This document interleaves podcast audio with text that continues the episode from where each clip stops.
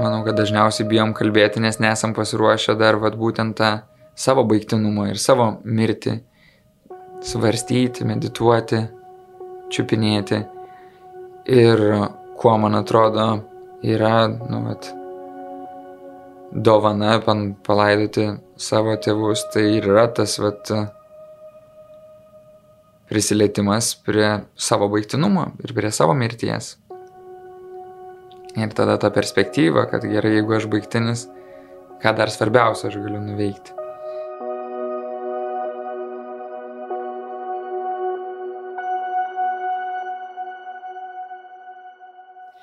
Sveiki, jūs klausote Nara tinklalaidės. Mano vardas Berta Tilmantaitė ir šiandien vėl kalbuosi su bičiuliu, psichoterapijos klinikos gali būti psichologu Andriumi Jančiausku. Šiandienos pokalbis lėtas, su ilgomis pauzėmis, bet jame daug ramybės ir šviesos. Todėl tikiuosi, kad pavadinimas bei tema neišgazdins ir liksi šiame pokalbėje su mumis.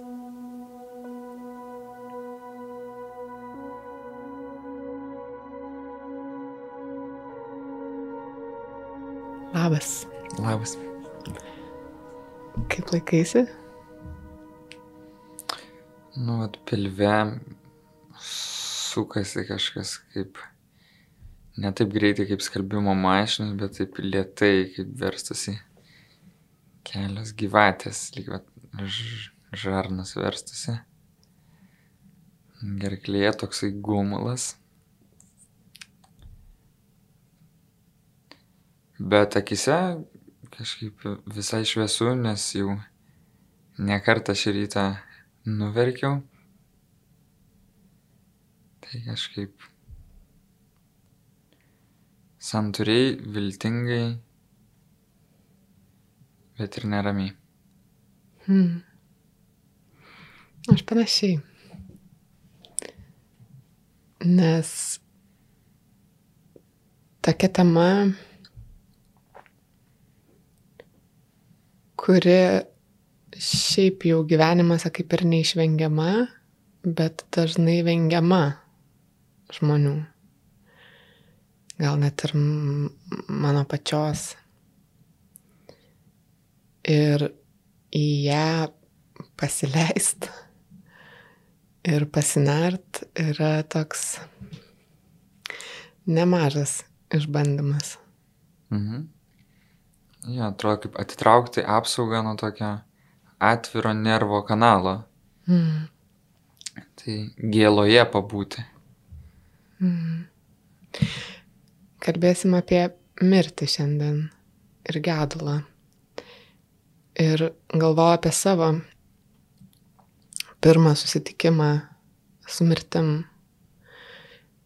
Ir manęs, šiaip džiaugiuosi, kad nesaugoja tėvai, nežinau, kad kitus, tarkim, saugo, meluoja, nesiveda į laidotuvės.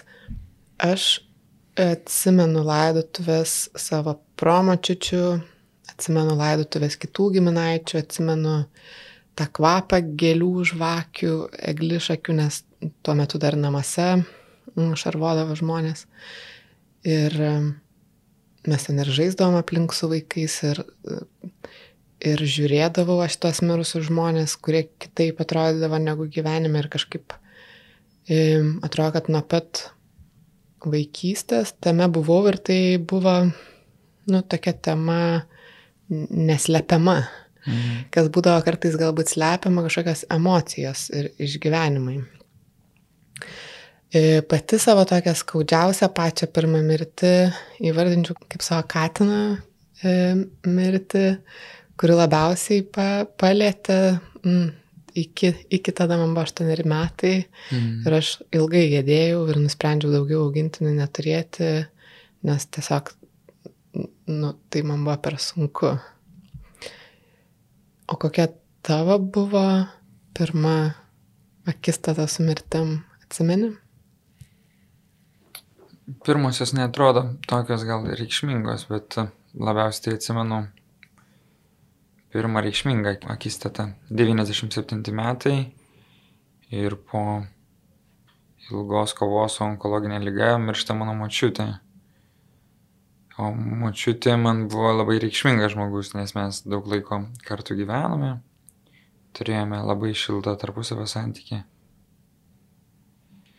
Ir aš atsimenu tai kaip tėvų išdavystės patirtį. Nes aš atsimenu, kad e, tą savaitgalį mus išvežė pas pusbrolį su pusėserė, mūsų sesė ir mes su sesė tada ten buvome pas juos, ten pas juos vyko drama, nes tokį šuniuką išvežinėjo. Ir tik tais gale savaitgalio man pusbrolis pasakė, o tai ką tu nežinai, taigi tavo mačytė mirė. Ir man tas buvo kažkaip labai skaudu, aišku, paskui mus, mes dalyvavome laidotuvėse, bet į pabaigą šarvojimą bus, o tai va ir atsivežė į laidotuvės. Ir man kažkaip tas buvo labai skaudu. Man atrodė, kad kad aš ilgą laiką dalyvavau procese, matydamas, kaip močiutė keliauja į mirtį, matydamas visas chemoterapijos sunkumus, matydamas ją ten su skarele, nebeturinčia plaukų ir man atrodė, kad aš buvau pasiruošęs kažkaip ir nupilnai nukeliauti tą kelią. Be abejo, tėvai sprendžia patys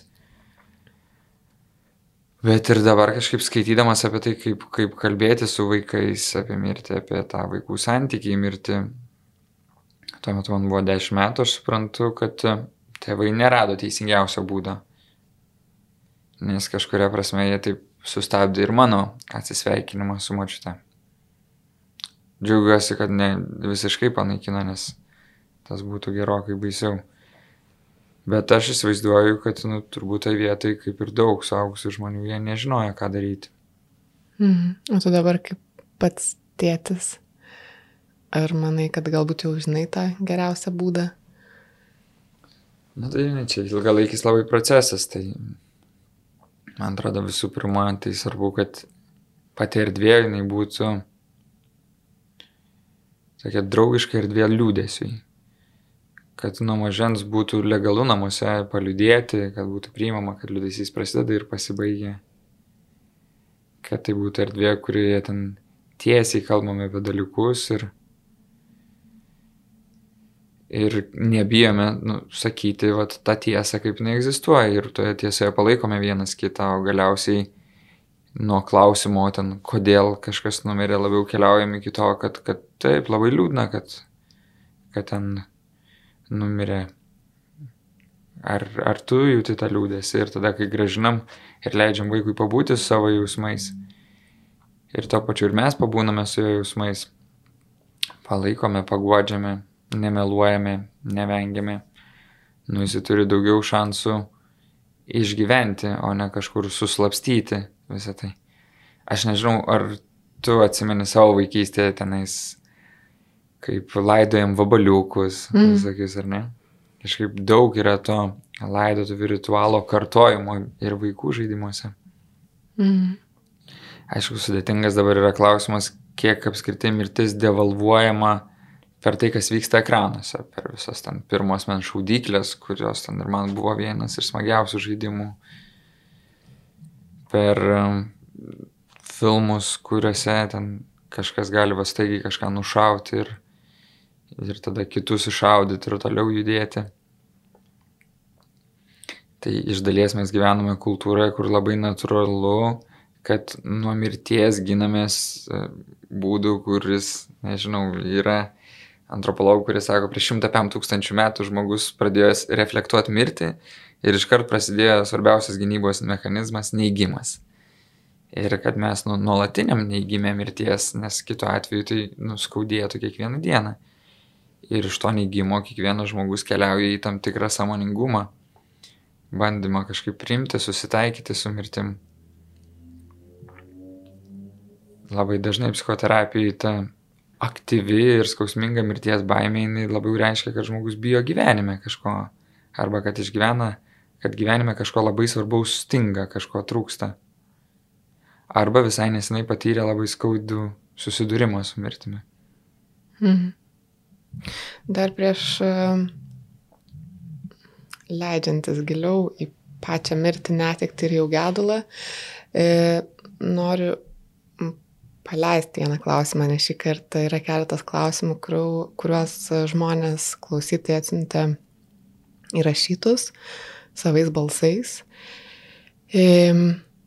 Būtent apie tą baimę, nes jau kai atsitinka mirties faktas yra viena, bet galbūt mes su tuo pačiu faktu kitaip dorotumėmės ir kitaip iki jo nueitume ir kitaip po jo išbūtume, jeigu būtume tam geriau pasiruošę galbūt. Sveiki, noriu paklausti, kaip tvarkyti su gedulu dar prieš jam prasidedant. Tai yra, kaip lengviau per gyvenimą neštis žinojimą, kad neišvengiamai mylimas žmogus numirs ir neišvengiamai reikės gyventi gyvenimą be to žmogaus kaip kiekvieną dieną padėti sau neštis šitą mintį ir save šito mintį nuraminti? Mm, labai geras klausimas. Pradžiai tai toks ironiškas atsakymas šauna į galvą, kad, žinai, geroji žinia yra ta, kad gal tu mirsi pirmas. Mm. Aš esu irgi galvojusi, kad geriau aš pirmiau mirčiau negu kai kurie žmonės būtų paprasčiau. Sokratas, man atrodo, yra sakęs, kad death may be the greatest of all human blessings, kad mirtis gali būti vienas iš tokių geriausių žmogaus pašventinimų. Bet iš kitos pusės tai man atrodo, kad vis tiek dalinai labai svarbi dalis yra tas sugebėjimas nuneikti tos būties vien pasirenkant prioritetus, kad jo, žinau, kad tu kažkada mirsi, bet jau dabar man gyventi su tavo mirtimi, kurios šiuo metu nėra, yra kaip švaistyti tą akimirką, kurioje tu vat, vis dar turi gyvybę. Ir man daug smagiau šią akimirką būti su tavo gyvybė. Ir nu, vat, iškeldamas gyvybę prieš mirtį, aš renkuosi būti su tavo gyvybė iš kitos pusės tai net ir vat, tame gėdule yra labai svarbus tie klausimai, o kiek pavyko iš tikrųjų susitikti, pabūti, pasikalbėti, pasakyti tai, ką noriu pasakyti, išgirsti vienas kitą, pajausti, kad vat, iš tikrųjų sukūrėme ryšį. Nes nu, daug žmonių kalba apie tą, kad Mano vienas kolega yra labai gražiai pasakęs po, po savo tėčio netekties, kad, kad jaučiu, kad šalia tėčio karsto šalia yra lūkesčių karstas tėčiui. Neišpildytų lūkesčių mūsų neišsipildžiusio santykio, ne, neįvykusio susitikimo, kuris va jau niekada ir nebeįvyks.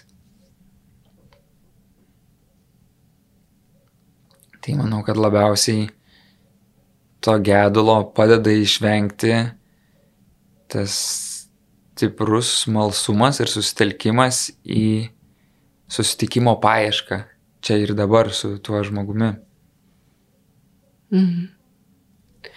Čia dabar kažkaip galvoju, kad visai kitoj vietoj paleisiu šitą įrašą, nes yra dar viena, vienas kito žmogaus įrašas. Bet žinai, ką aš prieš to paleidžiant dar norėjau pasakyti, kad kad, žinai, vat, jaučiausi, kad, kad, nu, vat, kažkaip labai gerai pasiruošiau ten močiutės, vėliau vėlesniam amžiui, kai buvau, kai jau iškeliavo, nebe kai buvau dešimties metų, bet jau 2012 metai, kai iškeliavo tenais mano močiutė. Prieš tai, kai senelis mano iškeliavo, kai man buvo, nu taip, vat, 25 metai. Tai, vat, jaučiausi, kad labai buvau pasiruošęs, nes kažkaip tai sąmoningai suvokiau, kad ypatingai ten močiutė turėjo kelias kepenų komas, tai jau, jau jų išgyvenimas jų dviejų buvo labai mažas procentas, labai suvokiau, kad jinai iškeliaus. Ir jaučiau, kad tas vat, pasiruošimas ir buvo kelių metų bendravimas, kur kažkaip mes su jie pradėjom kalbėtis apie mirtį, kalbėtis apie gyvenimą, apie tai, ko jinai kažkaip atgailauja apie savo gyvenimą. Labai džiaugiuosi, kad jinai papasakoja įstabių dalykų, kurie iš giliai giliai ją kankino. Vienas iš tokių baisiausių, atsimenu jos, jos klausimus, kurio jinai gyveno, tai o kodėl vis dėlto mano mama, kai reikėjo pasirinkti, kuri dukra keliaus, keliaus į koncentracijos stovyklą, kodėl pasirinko mane, nors ne aš su ją gabenau ginklus. Ir žinai, iki mirties tu vat nešiojas tokį klausimą, kodėl mane, kodėl aš. Juk aš tiek ją mylėjau ir rūpinausi ir tuo metu, kai buvau. Ir paskui, kai grįžau iš koncentracijos stovyklos, jinai visgi pas mane gyveno. Ir, ir aš padėjau jai keliauti, mirti. Ir sunku įsisamoninti, nors tarsi ir viskas logiška, kad ten tuo metu tau 17, neturi vaikų, kitas dukros turi vaikų, tarsi tokia mažiausia sudėtinga auka. Bet senelis, žinai, buvo kažkaip per žingsnį toliau ir man atrodo, kad gal ir kad buvo vyresni, to neigimo buvo mažiau, bet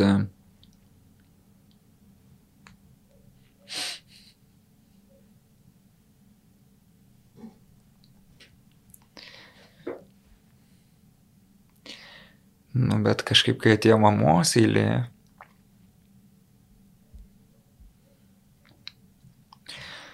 Nu, atrodė, kad pasiruošti kažkaip neįmanoma dar. Nežinau. Žinai, teoriškai įmanoma įsivaizduoti, kad gal jeigu būčiau turėjęs 20 metų, gal. Gal. Bet atrodė kažkaip, kad net ir išgyvenęs pakeliui daug žmonių susidurimų su jų tėvų netektimis. Išgyvenęs savo netekti su, su vat, seneliais, išgyvenime mamos artėjime į jos mirtį, iki paskutinės dienos aš netikėjau, kad jinai mirs.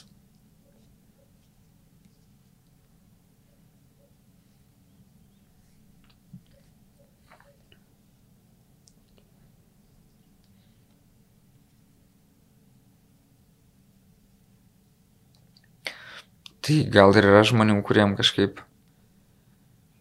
pavyksta pasiruošti ir atsisveikinti ir kartais tam padeda nu, ir dabartinė medicina, kuri iš anksto pasako diagnozės, gali prognozuoti galimą laiką.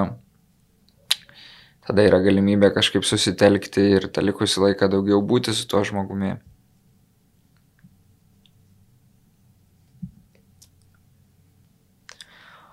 Bet kažkaip vis tiek lieka tas jausmas, kad, kad iki galo pasiruošti man nepavyko, nežinau kaip kitiems, dažnai ir kitų liudijimuose tą girdžiu, kad va, iki galo pasiruošti nepavyksta, nes tai visai vis tiek yra toks giliai skaudus išgyvenimas. Ir tai vis tiek yra toks labai slepiningas fenomenas, kuriame, aišku, galima išvelgti skirtingų kampų bet kad kurį laiką pagrindinė spalva, kuria viskas dega, yra gilus skausmas. Tai šiandien, man atrodo, šiek tiek lengviau galiu apie tai kalbėti, nu, bet vis tiek labai stipriai suskaupdamas, kvepuodamas, apsiverkdamas, dėl to, kad praėjo pusantrų metų. Bet bėda, kad labai dažnai žmonės iš savęs reikalauja daug greitesnio sustvarkymo. Per kelis mėnesius, per kelias savaitės. Ir tuo pačiu jaučiu, kad uh, turbūt mamos mirtis viena iš pagrindinių priežasčių, kodėl sutikau susitikti su tavim ir kalbėtis apie tai. Nes artėjant lapkričio pirmai labai dažnai jaučiu, kaip pas klientus cikliškai sugrįžta jų netekties skausmas, kaip um, sumažėja tas neigimas, nes dalis neigimo yra prieš, dalis neigimo per, o dalis neigimo ir po mirties. Nes tas jausmas, kad, žinai, kad, žinai, kažkur, nu, va, toliau gyvena, tiesiog mes senai susiskambinom, senai susitikom, nu, jisai lieka. Toks stebuklinis mąstymas. Ir tas neigimas, nu, irgi padeda išbūt. kaip ir visos mintis, ne, kad, nu, tas santykis niekur nedingsta, kad santykis ir po mirties tęsiasi, kaip su vidinė persona. Turime šiais laikais ir krūvą ten nuotraukų, filmuotų medžiagų. Tai mano žmona va dabar kaip tik sudėjinėja sunaus pirmųjų, pirmųjų metų nuotraukų tokį cikliškumą į albumą.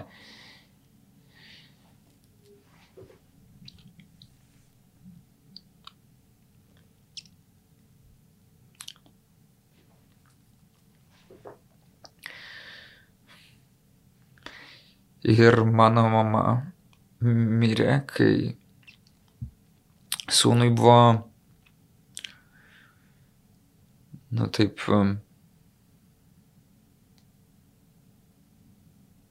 šeši mėnesiai, pusę metų. Ir aš rodau tas nuotraukas, kurie kartu ir va šį rytą kaip tik taip ir klausiu, o kas čia?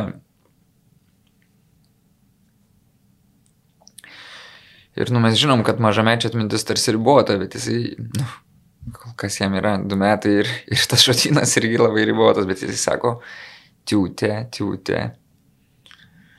Ir jis sako, myliu, myliu.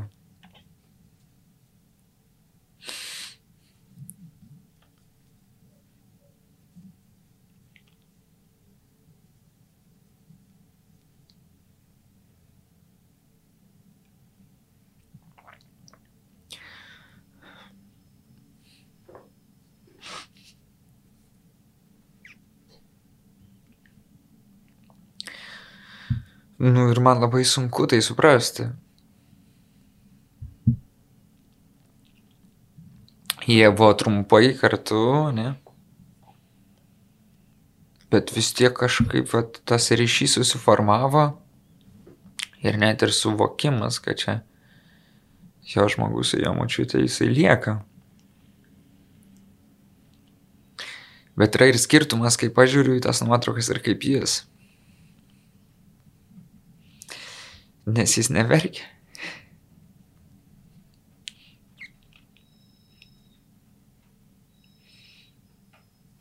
Jisai žiūri va, šypsosi, sako, kad myliu.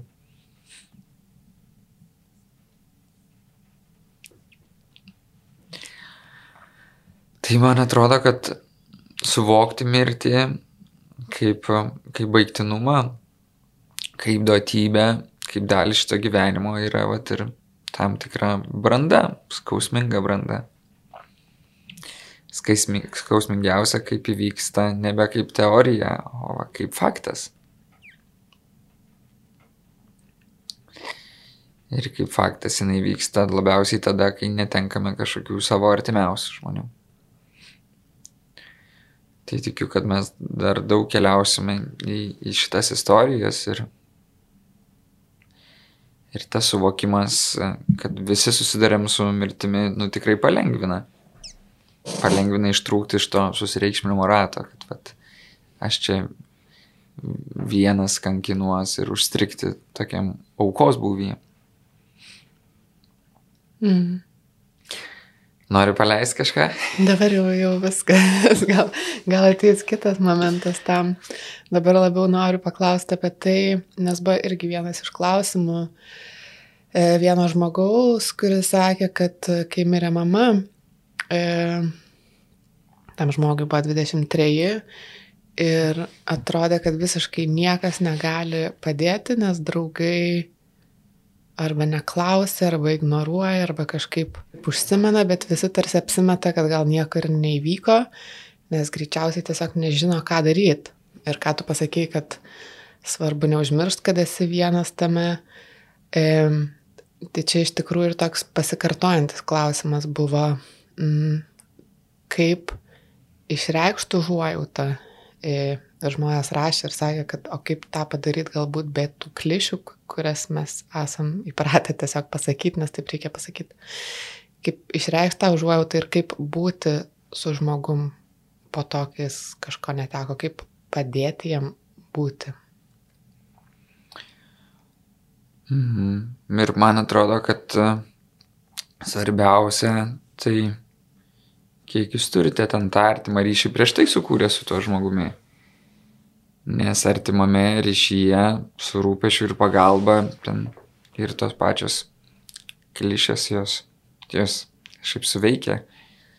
Ypač jeigu tai nėra tik tai tekstinė žinutė. Jeigu tai yra skambutis, kuriame girdi, kad kitam žmogui skauda kartu su tavimi.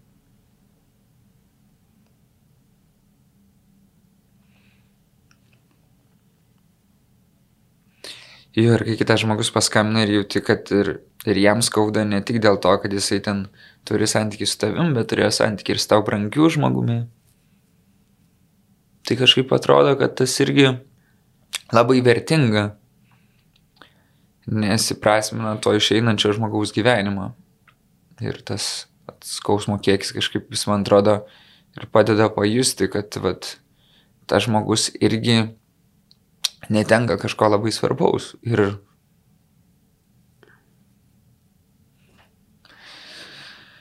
man atrodo, kad gera jausti, kad, kad man svarbu žmonės ir kitiems yra svarbus. Mhm. Man atrodo, kad svarbu atskirti tą laiką tiek ten gyvai, gyvai pasikalbėti, tiek atvažiuoti, sudalyvauti laidotuvėse, kas atrodo kažkaip, kad vyresni žmonės e, labiau tą svarbą supranta negu jaunesni.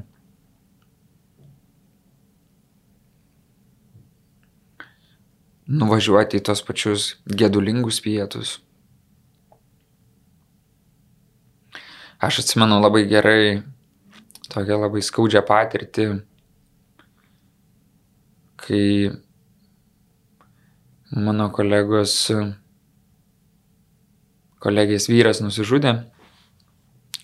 Ir mes dalyvavom laidotuvėse ir po laidotuvės dalyvavome gedulingose pietuose. Ir kokia svarbi dalis buvo maistas.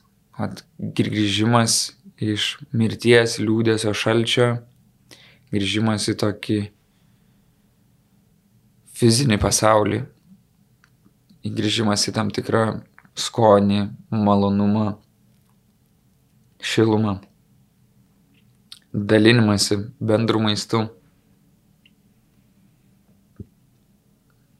Ir toje šilumoje atsirado ir va kažkokie pokštai, nes juokas, ironija, matymas paradoksiškumo šito gyvenimo, man atrodo, išskirtinai svarbi dalis. Ir žmonės dažniausiai susidurintys su mirtimi, jie labai dažnai yra juodojo humoro mylėtojai, kurie kažkaip nebijo stipriai patraukti per dantį. Aš jaučiau, kad man labai padėjo ten to, tie patys klišės, bet kai draugas sako, kad, žinai, tikrai gali atrodyti, kad ir per anksti, ir kad labai ten per jaunas žmogus, nes vat, statistika kita, bet viskas vyksta tada, kada turi vykti. Ir tai ne mūsų valiai. Tai, nu, tas kažkaip irgi padeda, vat, tam tikrą prasme, nesusireikšminti. Aš atsimenu, kai man paskambino draugas kuningas ir sakė, kad, kad Andriu, žinai, mes dažnai klausime klausimo, kodėl man. Ir jisai sako, man sako labai, žinai, padėjo toko mano draugo palaidojusio žmoną apmąstymai, kai jisai sako, pradėjo kalbėti apie tai, kodėl man, kodėl man, o kodėl kitam kas čia per linija, o kuo aš geresnis už kitus.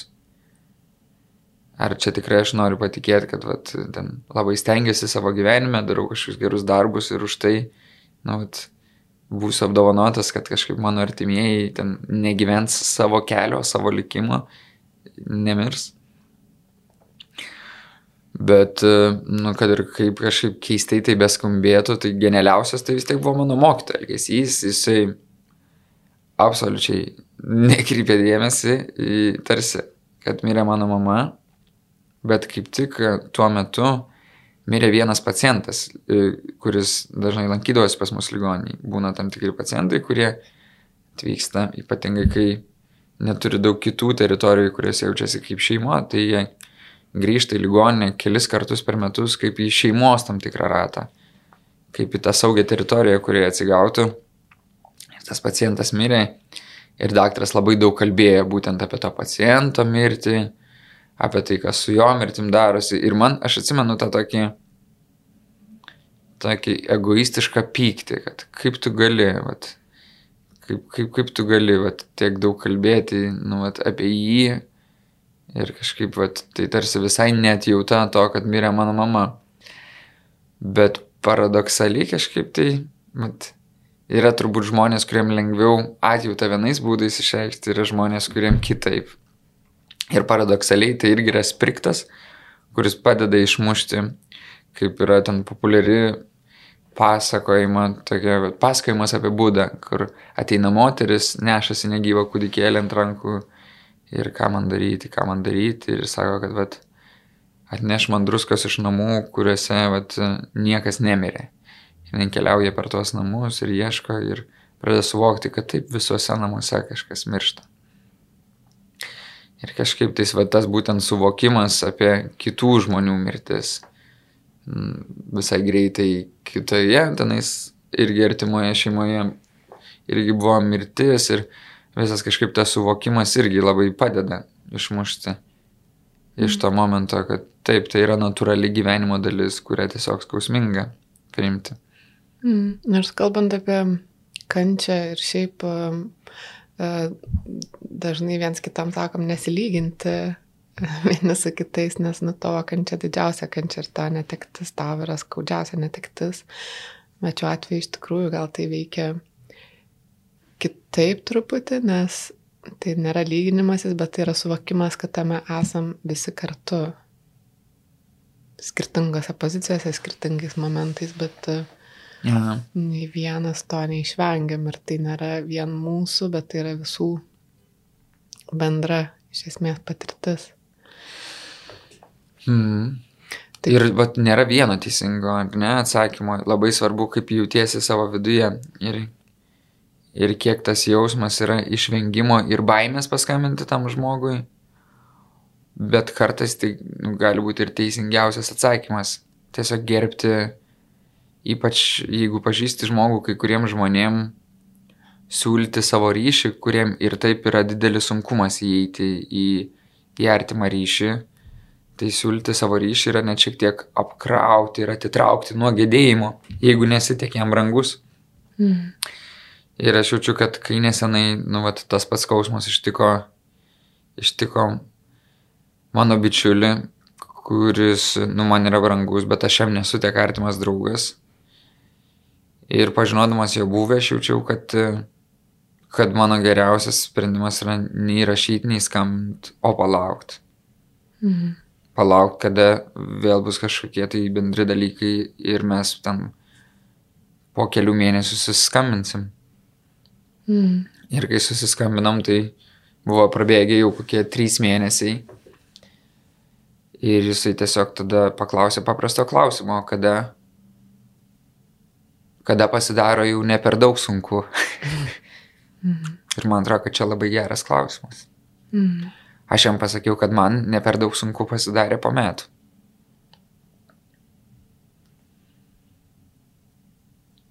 Ir daugiau kažkaip nieko mes daug apie tai nekalbėjom. Aš žinau, kad mes dar susitiksim, turėsim vakarą apie tai. Bet grįžtant prie atsakymų į tavo klausimą, tai jaučiu, kad svarbi dalis yra pasiūlyti pagalbą nuoširdžiai pasiūlyti ją. Ypač jeigu net kartais ir įmanoma atrasti būdų, kuo padėti. Svarbi dalis priimti žmogaus tiek norą būti kartu, tiek nenorą būti kartu. Stengtis nepalikti jo vienu, kartais pakibinti, paklausti, kad hei, ar norėtum susitikti, o gal nori pabūti vienas.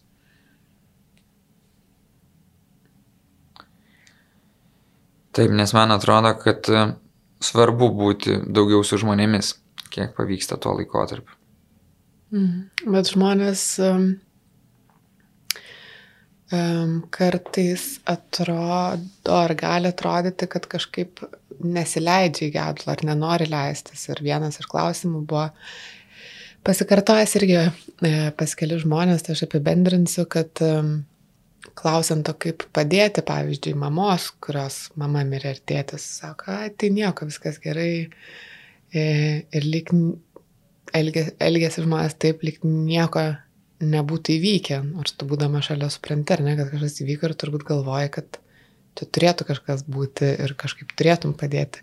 Tai ar iš tikrųjų taip, ar galbūt mes gedim skirtingai ir... Mm. Taip, man atrodo, kad tu teisi, kad mes gedime skirtingai ir su skirtingai žmonėmis, nes pagauti ir padėti nėra išeitis. Kad, kad pagalbą galime pasiūlyti, bet svarbu, svarbu nebrukti jos ir neprivartauti žmonių su pagalba.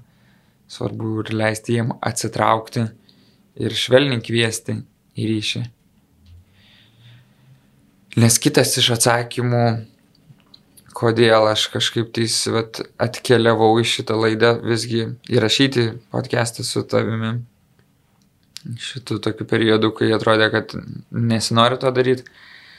Tai kai aš išėjau su klausimu, vat, ar daryti ar nedaryti, kitą dieną pas mane atkeliavo nu, vat, nuostabus jaunas vyras, žinai. Ir jis atkeliavo pirmą kartą į konsultaciją ir tarsi taip iš toli pradėjo kalbėti kažką, tai jis vat, apie santykius, apie vaikučio laukimą. Ir tada kažkaip tais mes atkeliavome į terapiją, kurioje aš verkiau daugiausiai, kiek esu ten verkęs savo gyvenime per, per kitą žmogaus terapiją. Nes jisai pradėjo pasakoti apie tai, kaip kaip gimė jo kūdikėlis ankstukas, kaip e, tam tikrą trumpą savo gyvenimo laikotarpį, kurį galėtume skaičiuoti savaitėmis, jisai gyveno, prižiūrimas ir padedamas gydytojų. Ir kaip galiausiai jis numirė jiems ant rankų. Ir kaip yra prabėgę trys metai bet tuo pačiu jisai jaučiasi, kad jam taip ir nepavyko taip giliai iš savęs pasikalbėti apie tai. Ir mes sėdėjome du va tokie jauni, bet jau ir apibrandžiai vyrai ir juodai pylė mašaras, nes tai yra didžiulė skausmo teritorija. Ir, žinai, gal tai yra ir klišė, ką aš girdėjau po savo mamos mirties, Bet man vėlgi ta klišė labai padėjo, kad jau geriau, kai ten vaikai laidoja tėvus, negu tėvai laidoja vaikus. Ir aš tikrai sėdėjau su tuo žmogum. Ir iš dalies, žinai, dalis vis tiek mano skausmo buvo ir trauma, nes išgyvenau su savo sunumi labai stiprią baimę, kai jisai patyrė, patyrė sveikatos sunku sutrikimą. Bijojau labai, kad ir jam gali būti ar mirtis, ar tam tikras neįgalumas ir kažkaip iš dalies ir tai, bet iš dalies ir mano mirties patirtis, o iš dalies labai gilus to žmogaus skausmas. Ir iš tikrųjų labai sunku atrasti tokią teritoriją, kur žmogus būtų pasiruošęs išbūti mūsų gilų skausmą. Nes iš dalies norisi iš jo bėgti, iš dalies, kad save pasaugotų, iš dalies, kad ir kitą pasaugoti. Nes nėra lengva kažkaip priimti tą kitą ne kaip krištolinį, o priimti, kad jisai gali išbūti, gali iškentėti ir gali ieškoti ten dar tų atsakymų, kurių nerado. O dažnai tie atsakymai, kurie klampina ir yra, vat, tam tikra kaltė, tam tikras nesusitaikymas, netleidimas savo kaip ir to nuostabaus žmogaus atveju atrodo, kad jisai nėra gydytojas, bet jisai vis tiek kelia tą klausimą, gal aš galėjau per kelias savaitės įsigilinti taip, kad atrast kažkokį būdą, gal visgi buvo kažkoks stebuklingas sprendimas. Mm. Ir kaip sunku priimti savo bejėgiškumą. Kaip sunku savo kažkaip leisti pasakyti, kad aš elgiausi teisingiausiai, kaip man tuo metu atrodė, kad yra elgtis. Nes iš dalies aš irgi, žinai, savo net leidžiu to, kad, kad tuo metu aš ne, ne paskutinį mėnesį, ne, tu, jaučiau labai stiprų impulsą važiuoti į savo gimtinę ir gyventi su savo šeima ten pas tėvus ir leisti laiką su mama. Ir dal, stipri dalis, kurie mane stabdė, tai tuo metu sureikšminami koronaviruso skaičiai, kurie ten buvo dešimtimis ir vienetais. Ir atrodo paprasta logika galėjo padėti suskaičiuoti, kad wow, wow, wow, nu aš netvešiu mamai virusą, bet tas noras kažkaip pasaugoti nugalėjo. O iš kitos pusės, vad niekada ir nežinom, kas yra teisingiausias atsakymas. Gal tai ir buvo laikas, kurį labiausiai ten tėtis su mama turėjo praleisti, o ne aš su savo nauja šeima atkeliauti į jų brandolį. Mm. Jo, nes turbūt vat, skaudžiausios teritorijos kitų žmonių neteiktise, kiek man yra buvę, tai ir yra, vat, kai žmogus netenka savo vaiko, ypatingai mažo bejėgio vaiko, va tada atrodo kažkaip labai skausminga. Ir nu, tame yra daug neteisybės jausmo, nes kaip tas vat, vaikas ir mažai gavo galimybės patirti šito pasaulio arba kaip žmogus netenka savo jauno partnerio. Tai va čia, man atrodo, tokios kausmingiausios teritorijos, kuriuose aš jaučiuosi pabuvęs su kitų žmonių gyvenimais. Iš dalies mes visi galim prie to prisiliesti, nes esame turbūt beveik visi yra žmonių, kurie neturi tos patirties, bet išsiskyrė su partneriais. Ir skirybų patirtis turi savo panašumą. Bet netekties patirtis, ypač kai dar esi nugyvenęs ilgesnį laikotarpį kartu. Viena iš skaudžiausių istorijų, kuria, prie kurios man yra tekę kažkaip liudyti ir būti šalia, tai kai atkeliauja vėl pusamžis už mane šiek tiek vyresnis vyras, po tragedijos kaip ką tik visiškai netikėtai mirė jo žmona ir jisai lieka su dviem dukrytėm. Ir tai yra nutikę prieš mėnesį ir tarsi vat, jau visas kaip ir laidotuvių ten susitelkimo procesas yra pasibaigęs ir jis sako, aš jau žinau, kad turiu gyventi apie vaikus, bet aš neturiu jėgų, kur savyje rasti. Aš suvokiau, kad aš negaliu savo padėti, kaip aš galiu padėti tiem vaikam, kurie beprotiškai reikia manęs, nes jie neteko mamos ir jie nežino, kaip su tuo gyventi, bet dabar jaučiu, kad jie neteko ir tėčio, nes tėčio irgi nėra šalia. Ir man atrodė išskirtinai drasus jo žingsnis, kad jis vis dėlto randa jėgų kreiptis pagalbos savo, atvykti į ligoninę, nesupranta, kad jo artimoje aplinkoje vat, net ir nėra tų žmonių, kurie gali tiek daug skirti to laiko ir dėmesio būti su juo ir išbūti, nes tai yra tikrai įvykis, kuris dalina gyvenimą į dvi dalis. Atrodo, vienoks gyvenimas buvo iki tol ir visiškai kitoks po to. Ir tam žmogui reikalinga labai intensyvi pagalba. Ir man atrodo labai drąsu yra neatidėti, nustumti ir palikti tą jauseną kerpėti, o čia ir dabar vardan visos sistemos imtis visų įmanomų priemonių ir pagalbų. Ir iš tikrųjų, tas žmogus visų pirma buvo ligoniniai 3-4 savaitės, tada 6 savaitės važinėjo į dienos stacionarą, o paskui dar 4 savaitės jisai atvykdavo kaip svečias.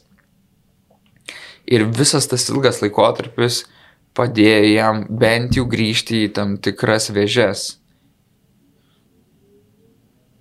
Ir tas virsmas, kurį jisai išgyveno per tuos tris mėnesius, kuriuos mes kartu keliavome, man jis atrodė labai viltingas. Ir tuo pačiu jis man labai padėjo sutvarkyti su savo mamos netiktim, nes man atrodė, kad kažkaip, kad, kad man skauda, bet tave aš atjaučiu stipriau negu save. Mhm. Galvoju apie tai, apie laidotuvių rituališkumą ir apie tai, kad atsimenu seniau vaikystėje galvodavau, kokia nesąmonė čia laikyti mirusią žmogų, tiek visiems kamuotis, verkti, man kažkaip atrodė to per daug. Ir mm, visai nesenai mirus seneliui, su, supratau.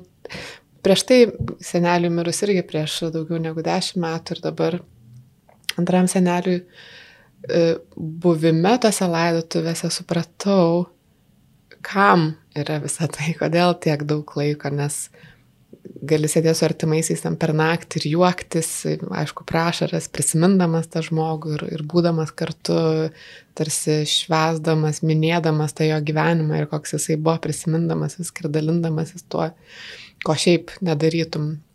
Gali išbūti vien su kitu dėmesingai ir taip, kaip šiaip kasdienoje nebūni, kas um, E, vienam iš klausimų, kuris buvo atsiusta irgi, kodėl mes tokie geri viens kitam tik per laidotuvės, o kodėl to negalim išlaikyti kasdienoje, to tokio santykio, nes iš tikrųjų rūpinamės vieni kitais, iš tikrųjų atjaučiam viens kitą, iš tikrųjų padedam vieni kitiem išbūti. Ir e, atsimenu, kad mama pas savo tėčio mirties e, ilgai nešiojo juodus rūbus, nes taip dar buvo įprasta, kad turi nešioti tarsi gedulą, apie ką aš irgi galvoju, čia tikrai taip gerai, tu tarsi murgdaisi toliau toj tamsoj, juodume, skausme, bet dabar atrodo, kad taip tu tarsi parodai aplinkai, kad tu gedi, tu duodi tą žinią, kad tu esi tame ir aplinka gali pasirinkti, kaip tai reaguoti, bet kad tai nebūdavo kažkaip nuneigiama galbūt ar slepiama ar dar kažkaip ir, ir tu tą savo gedulą netgi nešiodavai mm, kaip rūbą, tiesioginė prasme. E, kito tarpu dabar, ką ir pas prieš tai sakei, kartais labai greit bandoma su tuo susitvarkyti kažkaip ir gyventi toliau, nekelt nepatogumo kažkam atėjus su gedulo rūbais galbūt. E, ar nepasirodyt, kad per ilgai užsibuvai tame, kad jau gal laikas judėti toliau. Kartai sako žmonės, kad nu, man atrodo, čia jau per ilgai užsitęsė, jau reikėtų tam žmogui e, gyventi toliau gyvenimą ar, ar, ar panašiai. E, tai kažkaip e, atrodo, kad šitos visuomeniai skubančioj nebėra vietos tam gedului ir nebėra vietos išreikšti ir jame būti Nors tos, tos dienos, kai vyksta laidotuvės, atrodo, sustoja viskas ir ten visi susirinkę išvažiuoja iš darbų pabūti kartu ar ne, važiuoja į kitą šalies galą, kad atiduotų užuojautą. Tai yra tas toks laikotarpis, bet toliau, kaip, kaip judėti e, toliau, kai turi grįžti į darbus, turi e, būti su šeima, tarsi gali būti sudėtinga daryti du dalykus - ir gyventi, ir gedėti. Mm. Bet pasilaidoti atrodo, žinai, na ir blogesnis variantas, tai mm. bet yra du kraštutinumai, ne vienas kažkaip visiškai suskesti skausme, nebematyti jokios šviesos, nesikabinti, kitas visiškai nuneikti tą skausmą. O rezultate visi ieškome to aukso viduriuko, kaip išbalansuoti kiek prisileisti savo jausmų, su jais pabūti ir kaip atrasti būdų tvarkyti su savo jausmais, kaip įgalinti kuo daugiau išorinių pagalbų, vidinių atramų, kad lengviau sektųsi išbūti su jausmais, bet ir kaip to pačiu atsitraukti ir pailsėti. Nes tikrai daug žmonių pasakotų apie tai, kad nu, vienas iš būdų gerų laikytis tai yra, jeigu aš prieš tai turėjau ten stiprią dienotvarkę, jeigu turėjau prasmingą darbą, jeigu aš turėjau ten įprastą savo fizinio aktyvumo veiklą, jeigu turėjau gerus santykius su žmonėmis, tai nu visos tos teritorijos krizinių laikotarpių veikia kaip mano namai, kuriuose aš jaučiuosi tvirtai ir tam tikros išdirbtos rutinos, kaip įpročiai padeda man toliau išlikti seint, tokiam pakankamai psichiškai sveikam. Ir nors ir jaučiuosi liūdnesnis, apatiškesnis, kartais gal piktesnis, bet visa tai padeda išbūti. Čia nais, vat, atsakant į tą klausimą, ar ne, kažkaip tais, kaip išbūti. Ir man atrodo, kad, kad kultūroje vis daugiau yra tokio prieimimo, kad viskas gerai, kad nu, yra vietos tavo gedului, kad neturi čia nais kažkur skubėti kad vis daugiau drąsos yra pa žmonės ir, ir pakalbinti vienas kitą ir paklausti, ypač artimoje aplinkoje, kad ejo, kaip, kaip tu laikaisi, kaip tu jautiesi, ar jau šiek tiek lengviau, ar ne. Yra begalė kokybiškos tiek literatūros, tiek ir kino produkcijos, kurioje nu, iš, labai gera išgyventi kitų žmonių netiktis, ypatingai gražiai, gražiai patiktas, jų kabinimas išgyvenimą ir tą patį matymą, kaip sugeba žmonės atsigauti, prašvisti. Labai man patiko iš tikrųjų ir Ricky Gervais serialas After Death. Mm. Nors aišku, jame yra kvesionuotinų būdų, kaip narkotikų vartojimas, mm. pagalba slopinti savo skausmą, bet, bet jame yra ir daug nuostabių būdų, va būtent paieška to santykio, su kuo eiti, kalbėtis, paieška, kame dar galima atrasti prasmė savo gyvenime. Ir dažnas tas krizinis išgyvenimas ir, ir supurto vat, tuos pamatus ir patikrina, kiek stipriai mes esame pasistatę tiek savo profesinį gyvenimą, tiek savo asmeninį gyvenimą ir asmeninius santykius, tiek kiek stipriai esame pasistatę savo vat, dienotvarkės atspirties taškus. Mm. Bet kalbant apie rituališkumą, tai man atrodo, kad iš dalies yra polinkio nuvertinti tarsi iš seniau atkeliaujančius ritualus ir tas šio laikiškumo maištas, tarsi atrasti saviškius, bet iš kitos pusės tai ir yra prisitaikymas paieškoje, kiek tie ritualai jau yra rudimentinis palikimas, kuris mažai turi sąsąją su mūsų tikra emocija o kiek tai yra ritualai, kurie iš tikrųjų padeda į išorę mums ištranšiuoti emociją, nes viduje gedinčio žmogaus problema, panašiai kaip depresyvaus žmogaus problema, kad išorinė aplinka retai žino, kaip jisai iš tikrųjų viduje jaučiasi. Ir dažnai didesnį ryšį toks žmogus gali atrasti su žmonėmis, kurie patyrė panašius išgyvenimus, nes jie, tik, nu, jie labiau gali suprasti, nes patys tai patyrė savo kūnu, mes visi, mūsų visų suvokimas apribotas mūsų patirčių teritorijoje, nes net ir stipriai išgyvendami kitų žmonių patirtis, mes fiziškai neturime tokio stipraus patyrimo, kaip patys keliaudami tą kelionę. Tai tų gedulo ženklų galima skirtingiausių turėti. Mano gedulo ženklas buvo, kad aš, žinai, ten septynis mėnesius plaukų nesikirpau. Ir tikrai susilaukdavau ir kažkokių ten pasijokimų, kaip atrodau ir, ir kodėl taip atrodau. Bet e, aš žinojau ir man net nereikėjo niekam sakyti. Man atrodė, kad tai buvo, nu, vat, mano, mano būvis, kuris man buvo kažkaip labai svarbus. Detalė atrodo. Bet ta detalė man buvo kaip simbolis to, kad dabar aš išgyvenu sunku periodą ir aš nebe pušinu ir nebereikalauju iš savęs funkcionuoti šimtų procentų. O nuleidžiu lūkesčių kortelį ir suteikiu savo nuolaidų, kad okei, okay, priklausomai nuo to, kaip sviruos mano nuotaikos, kaip stipriai užeidinės tam, tam tikras beviltiškumas, bejėgiškumas, nuo to aš, nu, vat, tą savo funkcionavimą turėsiu 50-70 procentų rėžyje ir nepatologizuosiu savęs, kad tai yra blogai. Ir galvojau, kad jeigu nesusitvarkysiu per pusantrų metų, nes nekartą esu girdėjęs vat, tokį kaip tarsi vidurkiškumą atskaitos tašką, nors visą laiką tai yra labai individualu. Ir esu susidūręs su žmonėmis, kurie ateina ir ieško būdų išgyventi netikti po 10-20 metų.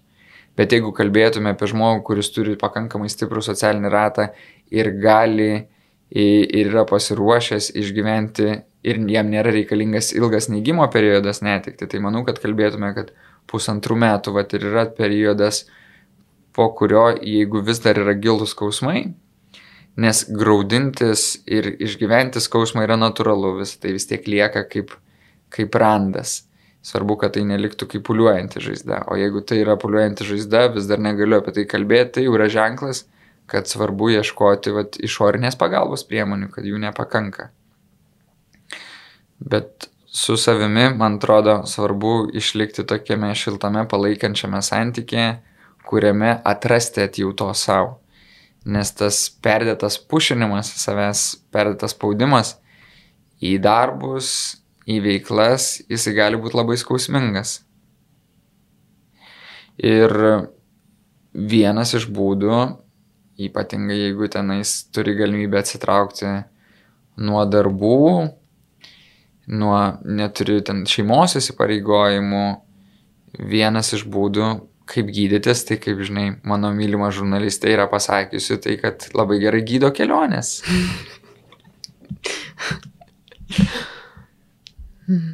Ir aš esu nekartą vat, kalbėjęs su klientais, kurie taip literaliai yra tai panaudoja, kad vat, po netikties iškeliauja ir kelis mėnesius būna vat, kitokiame gyvenimo būvyje.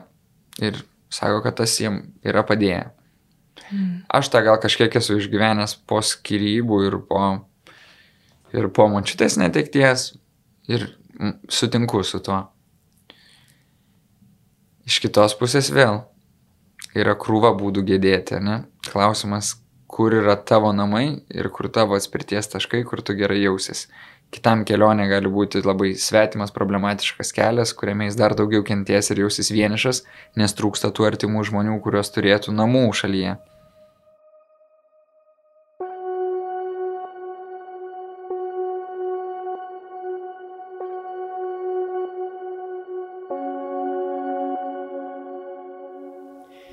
Šioje vietoje norėčiau staptelti ir padėkoti tiems, kurie prisideda prie mūsų veiklos. Naro žurnalistikos erdvė yra iš dalies išlaikoma jūsų, mūsų klausytojų ir skaitytojų. Ačiū Jums, prisidedantiems finansiškai Patreon platformoje, bankiniais pavedimais ar parama. Mums tai leidžia ramiau dirbti. O dabar grįžkime į pokalbį, kur kviečiu išgirsti dar vieną garsinį klausytojos klausimą.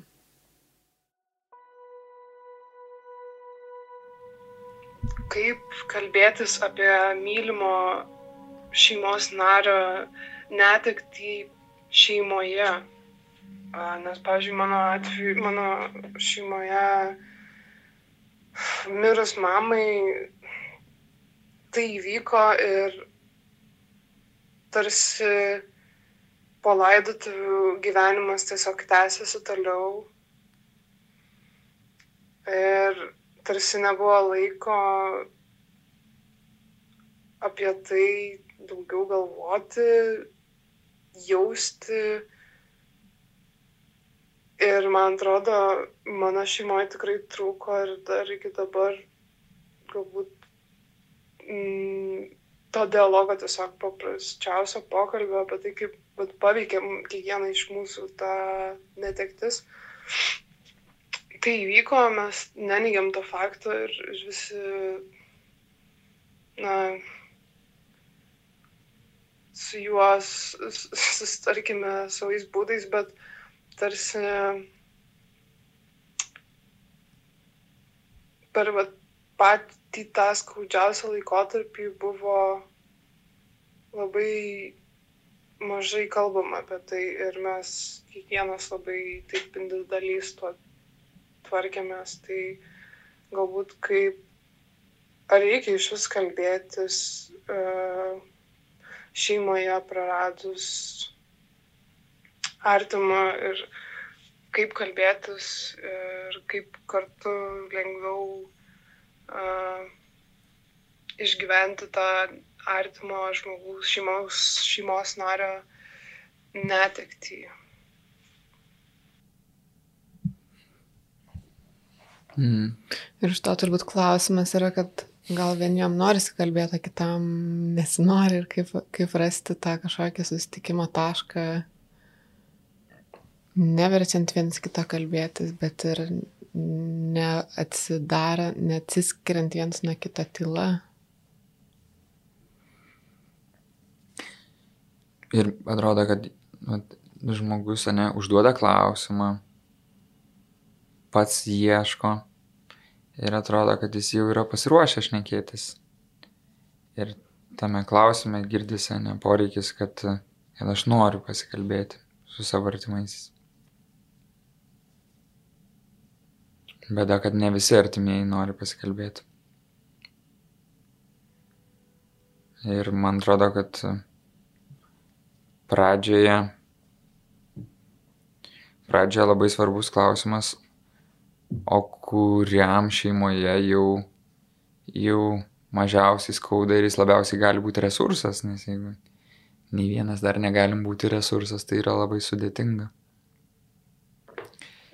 Ir kad tapti tuo resursu, man atrodo, pradžiai yra lengviau pasikalbėti su tai žmonėm, kurie yra toliau nuo atominio sprogimo, kad mirtis kaip sprogimas. Pirmasis ratas yra patys artimiausi žmonės, tai tolesni, tolesni. Tai su tolesniais žmonėm pasikalbėjus ir būnant tuo, kuriam yra skaudžiausia, galima išgyventi tai, kaip tie tolesni žmonės, būdami arti manęs, man padeda Ir paskui su ta pačia intencija grįžtant, grįžtant pas saviškius yra galimybė inicijuoti tą pokalbį. Tik man atrodo labai reta šeima yra pasiruošusi, jeigu mes kalbėtume, kad vat, yra ten tarkim trys ar keturi šeimos nariai susėsti ir visi kartu kalbėtis. Nes grupės dinamikoje yra daug sudėtingiau, ten yra daug skirtingų santykių, kur gali būti, kad ten likęs tėtis vienokį santykį turi su vienu vaiku, kitokį su kitu, iš kitos pusės tėčių yra, galime sakyti, kad, nu, sunku palyginti tuos dalykus, ne, bet labai dažnai tėtis ir gyveno ilgiausią kelią su, su mama. Kad jam tai ir yra jo significant other, tas žmogus, su kuriuo jeigu jie pradėjo jaunystėje, tai jie ir suaugo labai stipriai ir labai giliai, tai jam yra labai skausminga dažnai šeimoje mes turim tokio tikėjimo, kad vat, toliau tas tėtis ateis ir pasirūpins. Kaip brandžiausias žmogus, nu, inicijuos kažkokį pasikalbėjimą, rūpestį. Kai tuo tarpu realybėje, nu, man atrodo, visų pirma gali būti, kad jam yra skausmingiausia, o antra gali būti, kad jisai užaugo dar labiau neigiančiai aplinkoje ir nereflektuojančiai kultūrai negu mes. Nes, nu, vat, ta pati filmų industrija, jinai padeda mums, nes jinai labai drąsiai kalba apie viską. Ir joje yra daug paieškos, kaip gražiai, atvirai, bet ir tuo pačiu vat, nuogai kalbėti apie dalykus.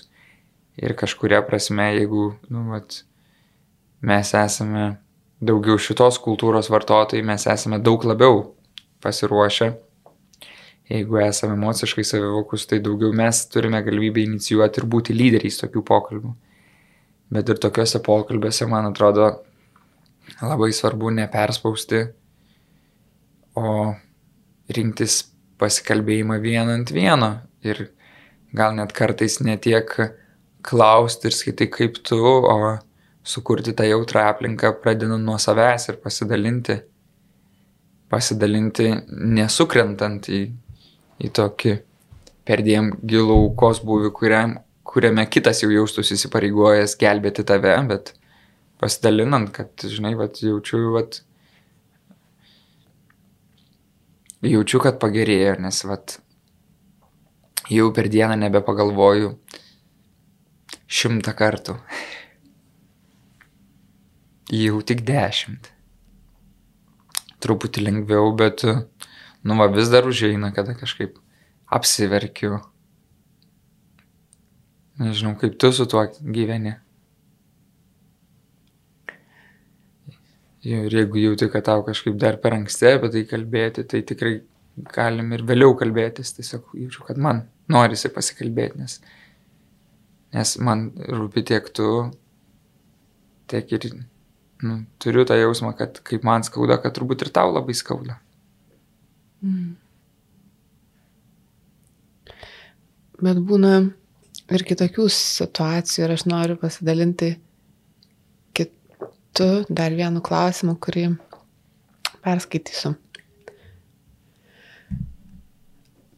Turėjau smurtaujantį alkoholiką tėtį, prieš tris metus jis mirė. Mirtis susijusi su jo, su alkoholiu. Iki jo mirties bendravimo daug nevyko. Iš savo pusės turėjau daug nuoskaudų dėl patirtų vaizdų, emocijų vaikystėje. Tačiau kai mirė, man buvo liūdna, norėjosi pagėdėti. Tačiau dalis šeimos negėdėjo, nesijaučiau, kad kažkas nori šnekėti, kad gaila, kad pasilgom, kad atleidžiam. Mama net nebuvo nuvažiavusi laidotuvės. Jos nuoskaudos turbūt dar didesnės nei mano.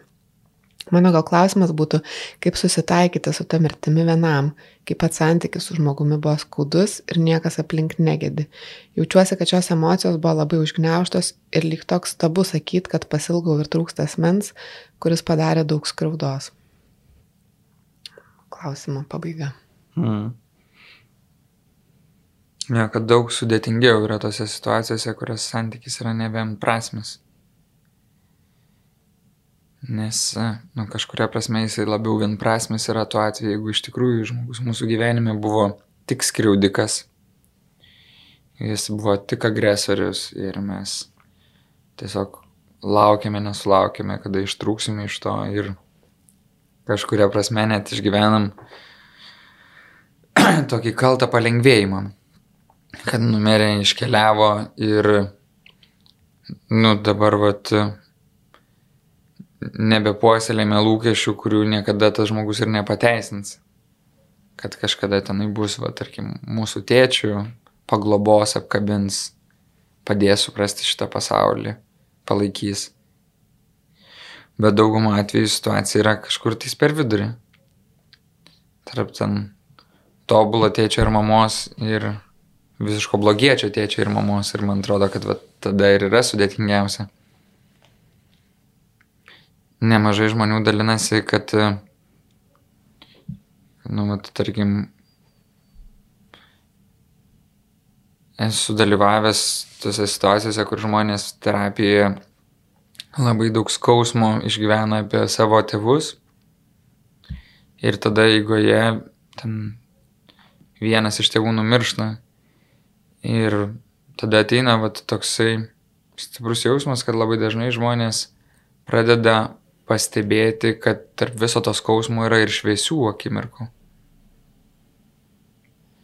Ir kad tame, man atrodo, ir yra labai svarbus žmogaus toksai atsparavimas, gajumas, stiprybė, visgi pamatyti ir tos šviesius dalykus ir kažkuria prasme ieškoti, kaip rekonstruoti vidinę figūrą joje ir tokių šviesių akimirkų pamatant. Ir vienam daryti tai yra be galo sudėtinga su žmonėmis, kurie ten turi visiškai ir nori saugoti kitokį matymą, to žmogaus irgi yra sudėtinga. Manau, kad lengviausia tai daryti psichoterapijoje. Ateiti, kalbėtis ir ieškoti, kaip galėtų keistis tas mano vat, vidinis naratyvas ir vidinis santykis su mano tėčiu, kad galėčiau jį palaidoti. Aišku, gyvenimo eigoje natūralu, kad tą klausimą dar daug kartų teks kelti, ieškoti, stebėti. Bet iš kitos pusės tai vad palaidyti tą tėtį, tai reiškia perimti atsakomybę už nepatenkintus poreikius, kurie niekada nebuvo patenkinti tame santykiai. Nes didelis skausmas ir yra, kad, nu, mat, tai yra tėtis, jis yra agresorius, jisai trenkia kaip elektra, bet natūralu, kai esam vaikai, tai, tai einame pas tą žmogų ir tikimės iš jo meilės. Ir kaip tie visi baisius eksperimentai su pelėm, kuriam, kurios ateidinėja maisto ir gauna elektros ir jos vis tiek toliau eina to maisto. Nors ir yra nutrenkiamos, taip ir mes kaip vaikai. Nors ir patiriam daug skausmų iš tų žmonių, bet vis tiek einam pas juos ir vilėmės, kad gal ten atrasime meilės. Hmm. Noriu paleisti dar vieną pasidalinimą, kuris man atrodo labai gražiai prates e, šitą temą, nes e, žmogus irgi pasakoja apie situaciją, kai mažai bendravo su tėvu ir buvo nutraukęs visiškai ryšį su juo, e, bet galiausiai grįžo į jį, kaip pats sako, galbūt tam, kad būtent palidėtų į mirtį ir palaidotų. Mm. Turiu tokią šiokią tokią istoriją, kaip aš matau mirtį ir su kokiu dalyku esu susidūręs. Tai prieš penkis metus palaidojau savo tėvą. E, viskas buvo tikėtai ir netikėtai. Ir po, šito, po šitų, po netekimo iš tikrųjų daug dalykų atsivėrė prieš akis ir daug supratimų. Ir galvoju, kad galima to pasidalinti su tėvu. Šiaip sutariau tik paskutiniais metais labai gerai prieš jo mirtį. Buvo visą laiką jis toksai despotas ir pakankamai piktas žmogus, bet buvau nutraukęs vienu metu santykius visiškai terapijos pagalba, tiesiog vėl pradėjau bendrauti. Ir tai buvo maždaug turbūt trys metai prieš mirtį, kurie turbūt buvo geriausi mano gyvenime metai. Ir jisai žmogus turėjo problemų su alkoholiu, dažnai užgerdavo, būdavo daugiedienės, e, daugiedieniai užgerimai Ir aš visą laiką galvodavau, kad tokia būdavo visą laiką mintis man, kad vieną dieną aš jį rasiu jo namuose, kurį statęs visą gyvenimą, e, rasiu tenai negyvą. Ir įdomiausia tai, kad, e, kad, kad e, taip ir buvo. Užgerdavo jisai dažnai, praeidavo porą savaičių, nusibadaudavo, tada ateidavau pas jį, sakydavau, reikia pagalbos, jisai sakydavo, taip, noriu pagalbos. Nuveždavau į ligoninę, atlašindavo, vaistų papumpuodavo, nuramindavo, jisai, jisai išbrizdavo iš to, vėl ketvirtį negerdavo.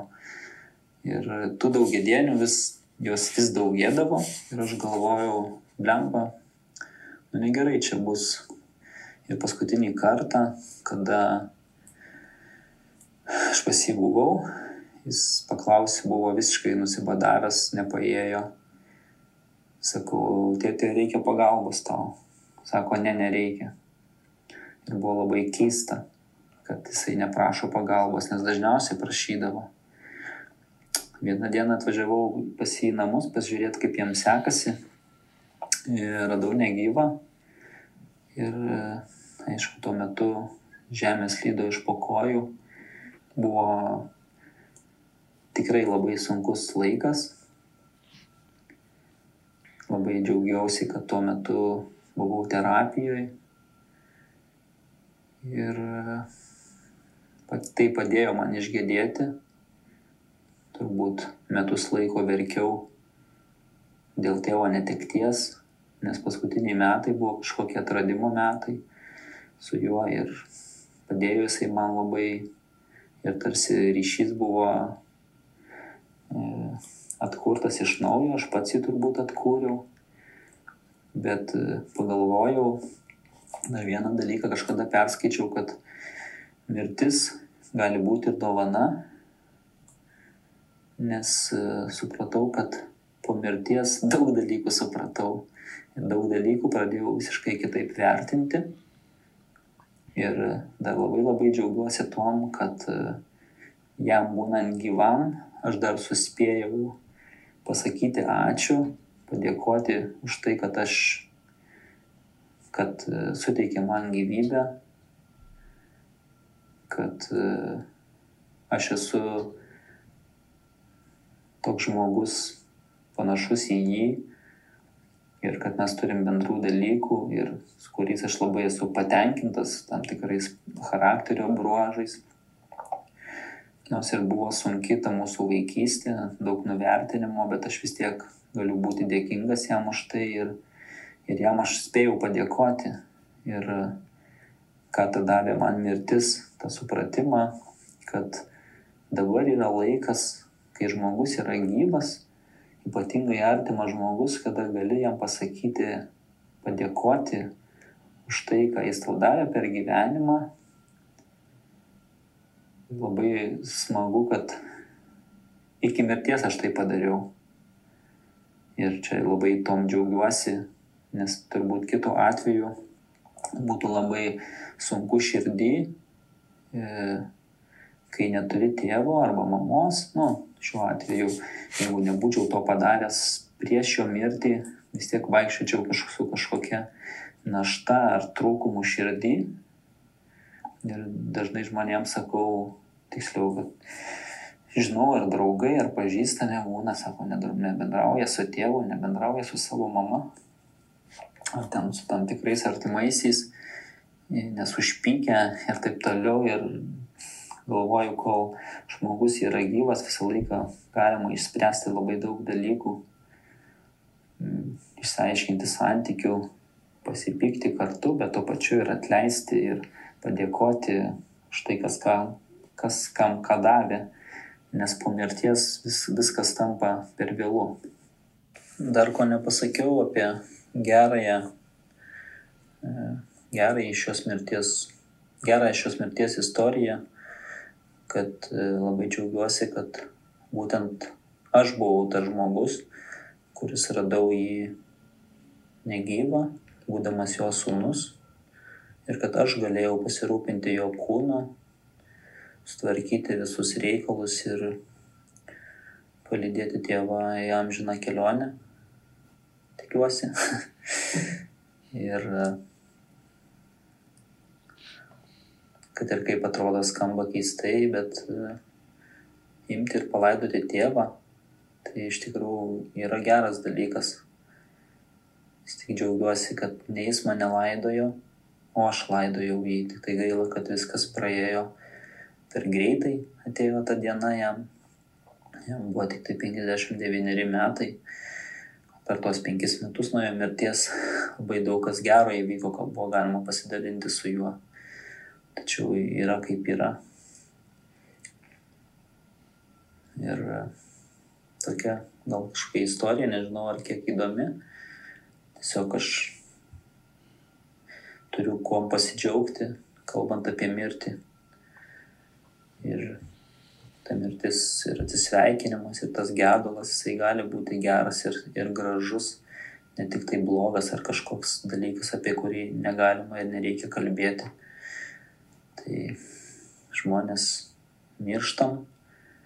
Svarbiausia, kad vaikai laidotų tėvus o ne tėvai savo vaikus, sūnus ar dukras. Čia turbūt vienas geriausių dalykų. Tai tiek norėjau. Ačiū už jūsų darbą. Sėkmės.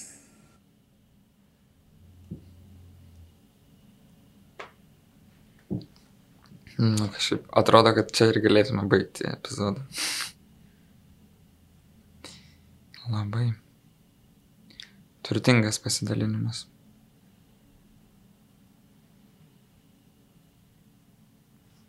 Kažkaip.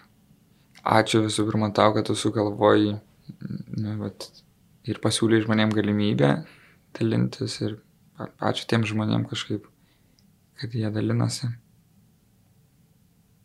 Ne tik klausia, bet vat, ir dalinasi. Aišku, tada yra didelės rizikos, kad mes šitoje temoje labiau nemirty būsime, o tėvų temos tesiniai. Bet iš čia man gal kyla klausimas. Mm. Bet aš tik noriu pasakyti, mhm. kad man bešnekant, nu, vat, šitam žmogui atrodė, kad didesnė dovana kažkaip vis tiek buvo ne tėvo mirtis, o tai, kad jisai kažkaip nustojo priešintis tokio tobulo ar pakankamo tėvo turėjimui, kažkaip susitaikė su tuo, kad vat, neturės. Išsiventiliavo tos jausmus, tą skausmą ir tada pakeitė perspektyvą į nebe tą tokį netekti ir man atrodo jau prieš tai jisai va, sugebėjo palaidoti tą neturėtą tėvą ir tada su pasikeitusią perspektyvą tai ir sako, palauk, o bet tai o kas tu? Su tavim aš dar gal galiu apturėti tokį santykį, kokį įmanoma apturėti ir man atrodo, nu, tai yra didžiulis darbas, kurį daug žmonių nepavyksta padaryti. Ir, nu, man atrodo, didžioji dovana ir yra tai, kad jis padarė tą darbą ir kad jisai susitiko su tavo tėčiu. Iš mano perspektyvos, taip. Mm. Nežinau, kaip pat žmogus jaučia. Palaidojimas, man atrodo, dovanėlė lyginant su susitikimu ir Bet ryšio sukūrimu. Manau, ką jisai sako, tai tai, kad suvokimas, jos, jog jis mirs, ir suvokimas, kad greičiausiai jisai ras, ir suvokimas, kad jisai galbūt čia tam ir yra, kad jį palaidotų, Taip. privertė galbūt tą santykių sukurti e, tam tikrą. Taip, viena, viena, iš, viena iš problematikų, jeigu mes esame giliame mirties e, neigime, tai yra laikinumo nesuvokimas. Ir kad suvokimas mirties padeda būtent atsispirti ir suvokti, kad kiti žmonės aplink mus turi ribotą laiką. Ir ta perspektyva padeda nuspręsti, kaip mes norime su jais elgtis. Ar vis tiek mes ten dėl kažko pykstame, norime toliau išlikti šalti ir su jais nebendrauti, ar vis dėlto suvokdami, kad jų gali po kelių metų nebūti, mes norime keisti perspektyvą, atleisti jiems, net ir suprantat, kad jie niekada neatsiprašys ir dar atrasti galimybę va kažkaip tai sustikti. Iš kitos pusės, nu, ten ir apie individualų žmogaus gyvenimą galėtume kalbėti iš tos perspektyvos, kad kartais žmonės gyvena jausdamėsi taip, tarsi jie yra nemirtingi ir niekada, nu, jiem nieko blogo nenutiks, nesusirgs sunkiom lygom, nenumirs ir tada, nu, labai stipriai taško tą savo gyvenimą. Tai tas mirties suvokimas, jisai padeda pasisaugoti, tiesiog kai kurie žmonės pradeda per stipriai išgyventą mirtį ir tada apskritai nustoja rizikuoti. Terapijoje dažnas klausimas yra tas, tai gerai, tai kiek tau metų, tai va, jeigu čia tavo gimimas, o čia tavo mirtis ir kurioje vietoje esi šitoj tiesiai, kiek čia tau dar liko. Tas vizualus plakatas, ne, jeigu tą likusi savo laiką išsidėliojame tenai savaitėm arba mėnesiais, kaip aiškiai matosi, kiek tų brūkšnelių yra likę. Mm. Niekada nežinai. Nežinai. Bet e, ta, ta imtis, žinai, didžiausio galimo varianto ir mažiausio, nu, jinai vis tiek apibriš, apibrišti. Jinai nėra tokia visiškai neaiški.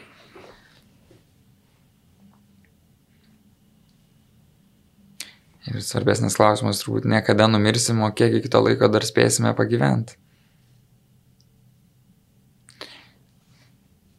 Ar tu dar kažką norėjai iš tos istorijos užkabinti?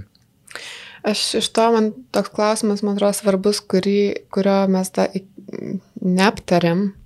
Tai yra, kaip elgtis, kai tu žinai, kad žmogus mirs ar ne, tu, um, kaip kalbėti su žmonėm. Yra žmonių, kurie nori kalbėti apie savo mirtį, ten seneliai ruošiasi tam, kartais ir nuolat kalba, o manęs nebebus bus tas ar ne ir gali, bet yra žmonių, kurie vengia. Yra žmonių, kurie serga ir nori kalbėti apie savo mirtį galima, bet kiti žmonės nenori, nes nori nuneikti tai ar net netikėti, kad e, žmogus mirs. Mm, tai kaip mums atrasti tą dialogą tarp tų žmonių, kurie miršta, žino, kad miršta, ar kad jiem arčiau ta mirtis negu gal aplinkai. Ir kaip kalbėti su jais, jeigu jie, no, jeigu jie nori kalbėti, ir kaip elgtis, jeigu mes norim kalbėti, o jie nenori kalbėti. Man atrodo, pasirinkimas kalbėti ar nekalbėti apie savo mirtį, tai nu, labiausiai tam žmogui priklauso. Jeigu tu nori kalbėti apie mano mirtį, o aš nenoriu, nu tai sorry. Paaiško, kas su tavim norės kalbėti apie mano mirtį.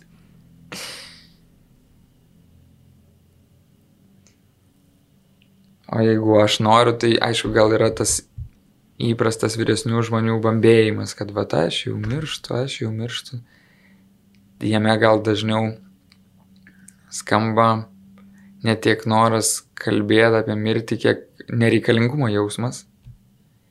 Tai tą, man atrodo, svarbu išgirsti ir paklausti, tai o, kaip aš galėčiau padėti tau jaustis labiau reikalingu. Arba kaip dažnai galėtume sustikti, ar, ar kokią gal tradiciją galėtume įsivesti. Bet dažnai žmonės sako tai, kad kuo mirtis arčiau, tuo ir gyvenimas mažiau baisus darosi. Yra tas jokinga, jokinga komedija, kažkaip bucket list, ne? Kažkaip sąrašas dalykų, kurias dar gali padaryti. Bet kažkaip tuo pačiu galvoju, kad kaip ir apie viską, nu, apie mirtį, jeigu žmogus inicijuoja, tai manau, kad dažniausiai bijom kalbėti, nes nesam pasiruošę dar vat būtent tą savo baigtinumą ir savo mirtį svarstyti, medituoti, čiupinėti.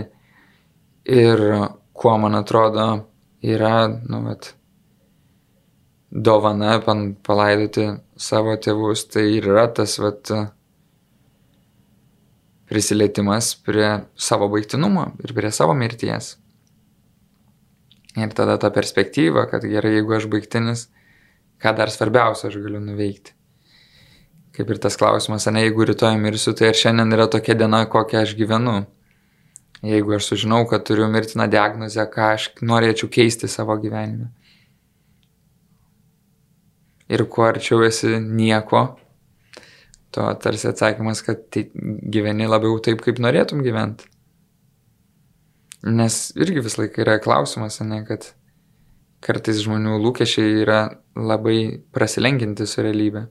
Ir jeigu viską noriu keisti, tai gal problema nebūtinai tame gyvenime, kuriame gyvenu, o tuose lūkesčiuose, kuriuos tam tikromis aplinkybėmis esu išsipūtęs. Ir kažkada tas išsipūtimas padėjo kaip pagalba, kad pasaulis vat, atrodytų patrauklesnis, primtinesnis, bet šiandien galiu esu tiek subrendęs, kad galiu priimti šitą pasaulį su jo netobulumais, baigtinumais. Mm. Nes man patinka ta mintis, kad galiausiai, o kaip mes galime įprasminti tą mirtį, ką mes galime gauti kaip dovanas, ko mes galime pasidžiaugti. Ir aš irgi kažkaip daug galvojau apie tai, kad, nu, vat, man irgi atrodo, kad 59 ar 57 metai trumpokas gyvenimas. Trumpokas kažkaip norisi, kad jis ilgesnis būtų, bet iš kitos pusės tai pradedu galvoti, kad wow, 57 metai, koks turtingas gyvenimas. Kiek daug pas tą žmogų įvyko. Susitikimų, suartėjimų, sėkmių, nesėkmių, skaudulių. Galvodamas tenais apie savo mamą, galvoju, kad, žinai, kad užaugino du vaikus, spėjo anūką pamatyti. Daug nuostabių momentų. Aišku, nebuvo lengva, žinai.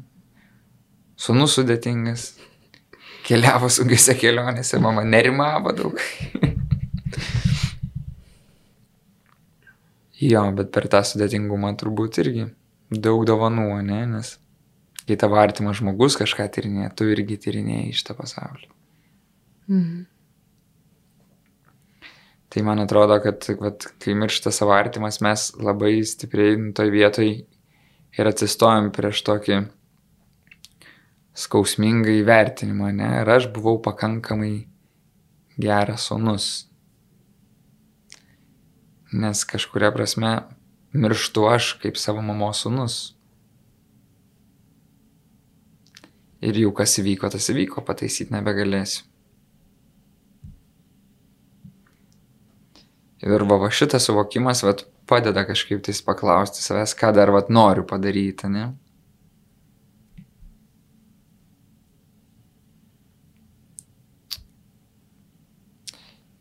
Na, ir, ir suvokdamas, kad vat,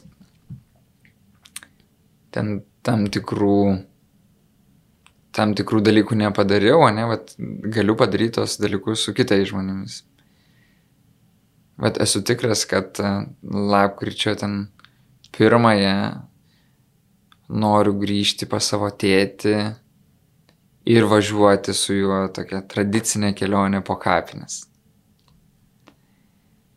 Ir iš dalies tai yra laikas tenais apie mirtį, mirusius, ten tokių savo medžių ir šaknų pažinimas, nors ten, tie žmonės ten žinai, močiutė veždavo žvakutes ant jų kapų, tai jie nepažįstami ir tolimi, bet čia tęsti močiutės kelionę, tęsti, vat, tėčio kelionę. Ir labiausiai tai va būti kartu su savo to gyvais žmonėmis. Mhm. Bet ir tuo pačiu būti kartu su gyvais žmonėmis apmastančiais mirtį jaučiančiais tą savo baigtinumą.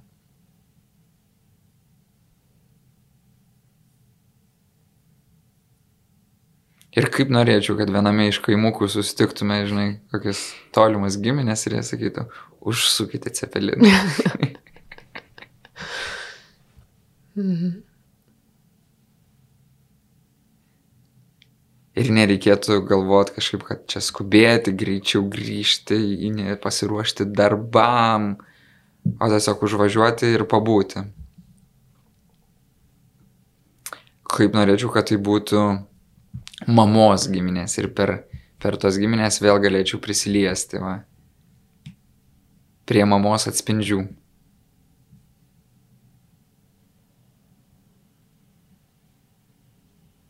Nu, iš kitos pusės jie visą laiką šalia. Kai žvelgiu į jos, į jos vaikus, į jos anūkus. Yra tas seneliaudėje populiarus pasakymas, kad žmogus gyvas tol, kol gyvas jo atminimas. Mhm. Man dar labai patinka ir kažkada atėjęs toks suvokimas labai padėjo išgyvent um, netektis, kad labiau reikia švęsti tą gyvenimą žmogaus, kuris buvo, negu akcentuoti netekti pačią, kad jo nebėra, nes tai, kas jau buvo iki tos netekties, visą laiką gali būti kartu su tavim. Ir aš kažkaip labai skaudžiai išgyvenau senelę netekti, su kuriuo augau ir kuris man buvo labai svarbus. Ir labai gailėjausi, nes tada dar buvau per jauna, man atrodo, išdrysti kažkaip e, turėti daugiau pokalbių, padaryti daugiau nuotraukų, praleisti daugiau laiko. Ir mane tai graužia tam tikrą prasme, kad aš to jau nebegaliu padaryti. Taip pat ir su močiute, kuri prieš, prieš jį mirė, bet kažkaip ypatingai senelio mirtis tą tokį sukėlė gailestį, graužatį. Bet tada atsitiko toks dalykas, kad aš ypač keliaudama kitose užsienio šalise pradėjau matyti močiutę ir senelį kitose žmonėse. Jų rūbose, jų laikysenoje, jų mūsų pokalbį kažkokiam. Ir tiesiog sustodavau ir nusišypsodavau nes suprasdavau, kad aš tarsi per tuos kitus žmonės sutinku juos, nes kažkuo jie yra panašus. Mm. Ir kas kart nu, nusišypsodama tarsi padėkodavau tam aplinkybėm, kad aš galiu per kitus žmonės susitikti juos vėl ir jaust jų buvimą šalia. Ir tada kažkaip mažiau skauda ir mažiau liūdna. Ir mažiau gaila, nes beveik nieko ir nepraradai atrodo. Ir tas neįvykę pokalbiai gali tęstis. O ką norėtųsi pasakyti?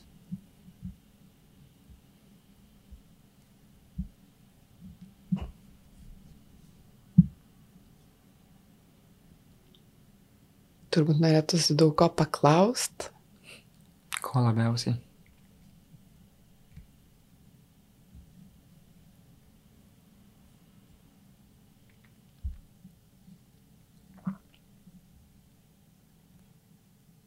Na, nežinau, kada jie buvo labiausiai laimingi.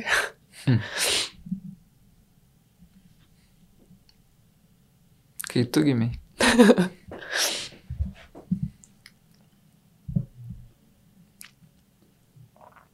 Bet norė, norėtųsi ir padėkot.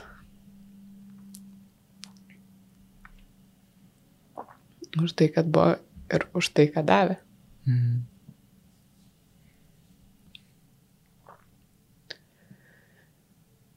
Nes tai ir mane darė laimingiausia.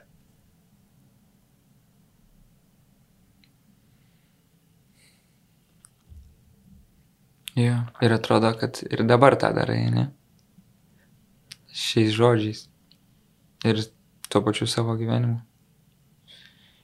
Ir kad ta pati klišė, ne, kad jie tai žino, iš tikrųjų yra tas vidinis tikėjimas, kad jie tai tikrai žino. Mm.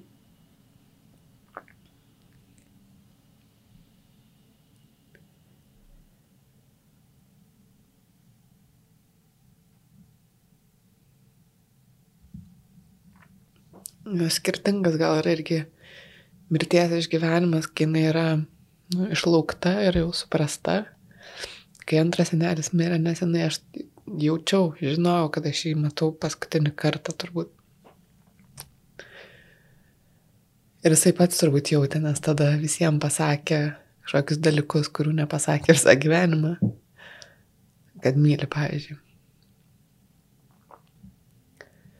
Ir tada lengviau atsisveikint. Mm.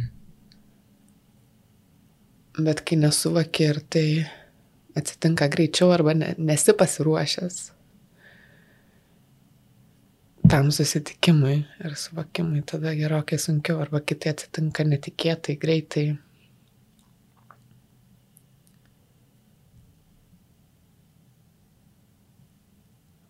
Tai tada turbūt vis tiek reikia ieškoti šitų būdų, kaip ir pasibaigus viskam toliau tęsti buvimą.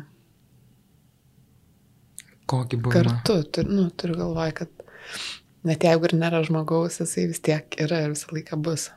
Mm. Ne fiziškai, bet kitaip. Ir man labai graži tavo mintis apie tą jo buvimą kitose žmonėse. Nes žmonės nesibaigia. Vienus pakeičia kiti. Ir atrodo, ta perspektyva, kurią mes Indijoje matėme, ne? Kai laidotuvėse yra tarsi šiek tiek mažiau to skausmo, daugiau džiaugsmo, kad iš tikrųjų žmogus gavo dovaną, kaip kažkokį bilietą į laisvę. Tai išveskim jo išsivadavimą. Sudeginkim jį, išpilkim pelenus į gangą. Geriausia, jeigu čia šalia.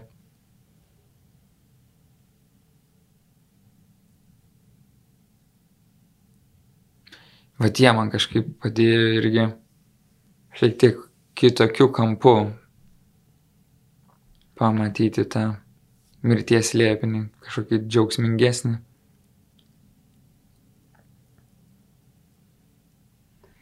Gal labiau kažkaip patikėti tą mintimi, kad, kad mirtyje ir gimime tiesiog vyksta formos kismas. Bet niekas nu, nesibaigia. Nors iš kitos pusės kažkaip tam tokiam realiam pasauliu noriu pasakyti, kad o kai kas iš tikrųjų ir pasibaigė, ne? Bet tai, kad dalykai pasibaigė, padeda tik tais labiau juos vertinti.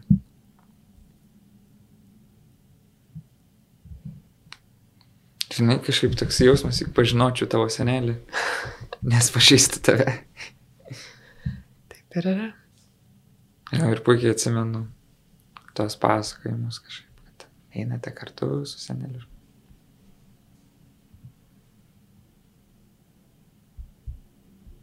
Tai ir eina.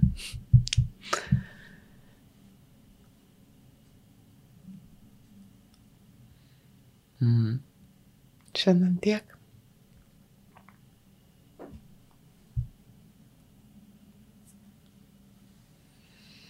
Šiandien tiek.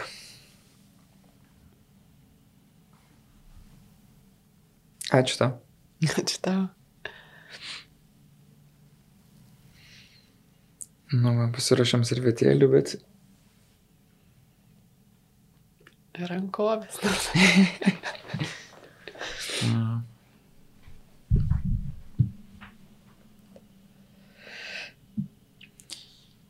jie atrodo yra tos skirtingos temos, temos, kuriuom tarsi teoriškai norisi pasiskaityti ir temos, kurios labiau kasdieniškas, kurios, kurioms atrodo labiau kažkaip va, gyvenimas ruošia. Ir čia viena iš tokių temų, kurias gyveni, kurias matai, kaip kiti žmonės gyvena, reflektuoji ir tada atrodo, jokie ten teoriniai skaitiniai, aprašymai, nežinau, ten gedulo penkios fazės kubleros neturi tiek daug vertės, kiek mm. vat, tokie gyvi pasidalinimai, kaip tas žmogus pasidalino. Mm. Arba kaip tu pasidalinai apie senelį. Ar tu?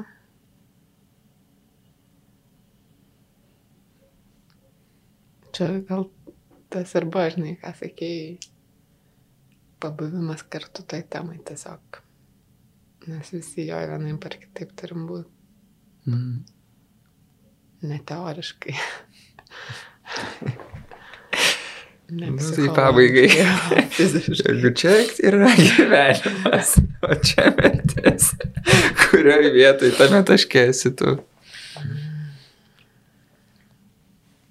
Nu, norėčiau sakyti, kad pirmam trečdalį. Pirmam trešdalį. Tai kiek dar liko gyvenimo, Dar jeigu du skaičiais, tai maždaug Nežinau, dar šiam norėčiau dar šiam. ar septynių. Šiam gal. Šiam, ne? Aš tai turėjau kažkokį anksčiau, iš, man atrodo, iš skausmingo vaikystės susidurimo su mirtim turėjau tokį, vad, nestabilų jauseną, kad jaunas mirsiu. Aš irgi turėjau. Mm, Ir tas kažkaip taip skaudžiai, skaudžiai labai kabėjo. O paskui galvoju, na ne, nu, vat, mirsiu ten panašiai kaip tenais kelios kartos mano artimųjų apie 60 ir tarsi vat, gyvenau su tokia idėja, taip jau saugesnė. Ir tik pastaruoju metu kažkaip pradėjau, ypatingai klausydamasis apie ilgamžiškumą, apie ten dabar, kas yra ten medicino ir biologijai, tos įdomios ir svarbios temos, apie vaistus nuo senėjimo mm. ir kaip savo gyvenimą gyventi, kad iš tikrųjų ilgėliau nugyventi, pradėjau kažkaip jausti savo, kad jau atkeliauju į tokį leidimą ir projektavimą gyvenimo ilgiau. Gyvenimo 80-90 metų. Mm. Ir kažkaip tas tokios laisvės duoda, kažkaip taip laisviau, tokio įsitempimo pamažėja. Ir man atrodo, kad vat, baigtinumo suvokimas tai ne tik gazdinamoji priemonė, bet kad tai yra ir nu, būdas svajoti gyventi toliau, ilgiau. Mm. Ir ypač, kai mes suvokime tai tokia sąsoja su šiandiena, ne? Kaip va šiandien man gyvent, kad iš tikrųjų aš ant 80-90 gyvenčiau. Mm. ir tada net ir šitoj temai va daugiau džiaugsmo. Taip. Tokio, tokios laisvės, šviesos. Ir su mūsų bendru draugu, psichologu Pauliumi, mes turim tokį susitarimą, kad e, kuris ilgiau gyvens, sakys kalbą kito laidotuvėse. Ir mes, kai šią savaitę buvom sustikę, aš jam sakiau, Pauliu, žinok, tikimybė, kad aš sakysiu kalbą gerokai padidėjęs. tai vad, net ir čia galima ir net varžybas, žinai, tokias turėti. Prašyčiau ir aš kalbos, bet irgi nežinau, ar. Sunkus klausimas. Gali būti, kad ne. Oi. Nu dabar jau tikrai viskas. Aš tai. Ačiū.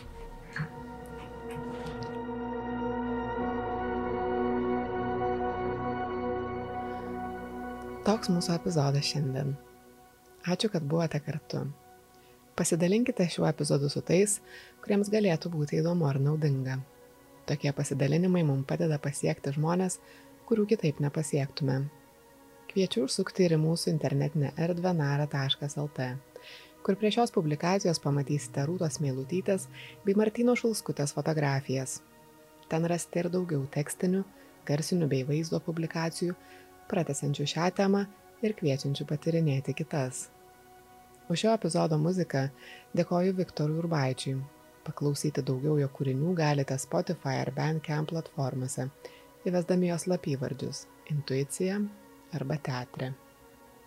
Jei norite prisidėti prie mūsų darbų finansiškai, visus įmanomus būdus galite rasti mūsų tinklapyje, skiltyje apie. Mūsų Patreon adresas yra patreon.com pasvirasis brūkšnys nara.lt. Kaip visada, mielai laukiame jūsų atsiliepimų, pastabų, klausimų ir pasiūlymų. Jos galite siūsti adresais nara.nara.lt arba tiesiai man berta.nara.lt. Taip pat mus galite pasiekti socialiniuose tinkluose Facebook ir Instagram paskiruose, o mūsų publikuojamos medžiagos, komandos naujienos ir rekomendacijos jūs gali pasiekti naujienlaiškių pavydalu. Norėdami užsiprenumeruoti naujienlaiškį, tą galite padaryti narą svetainėje. Užsukę ten, viršuje pamatysite nuorodą su žodžiu naujienlaiškis. Šiam kartui tiek. Ačiū, kad esate kartu. Iki kitų susiklausimų.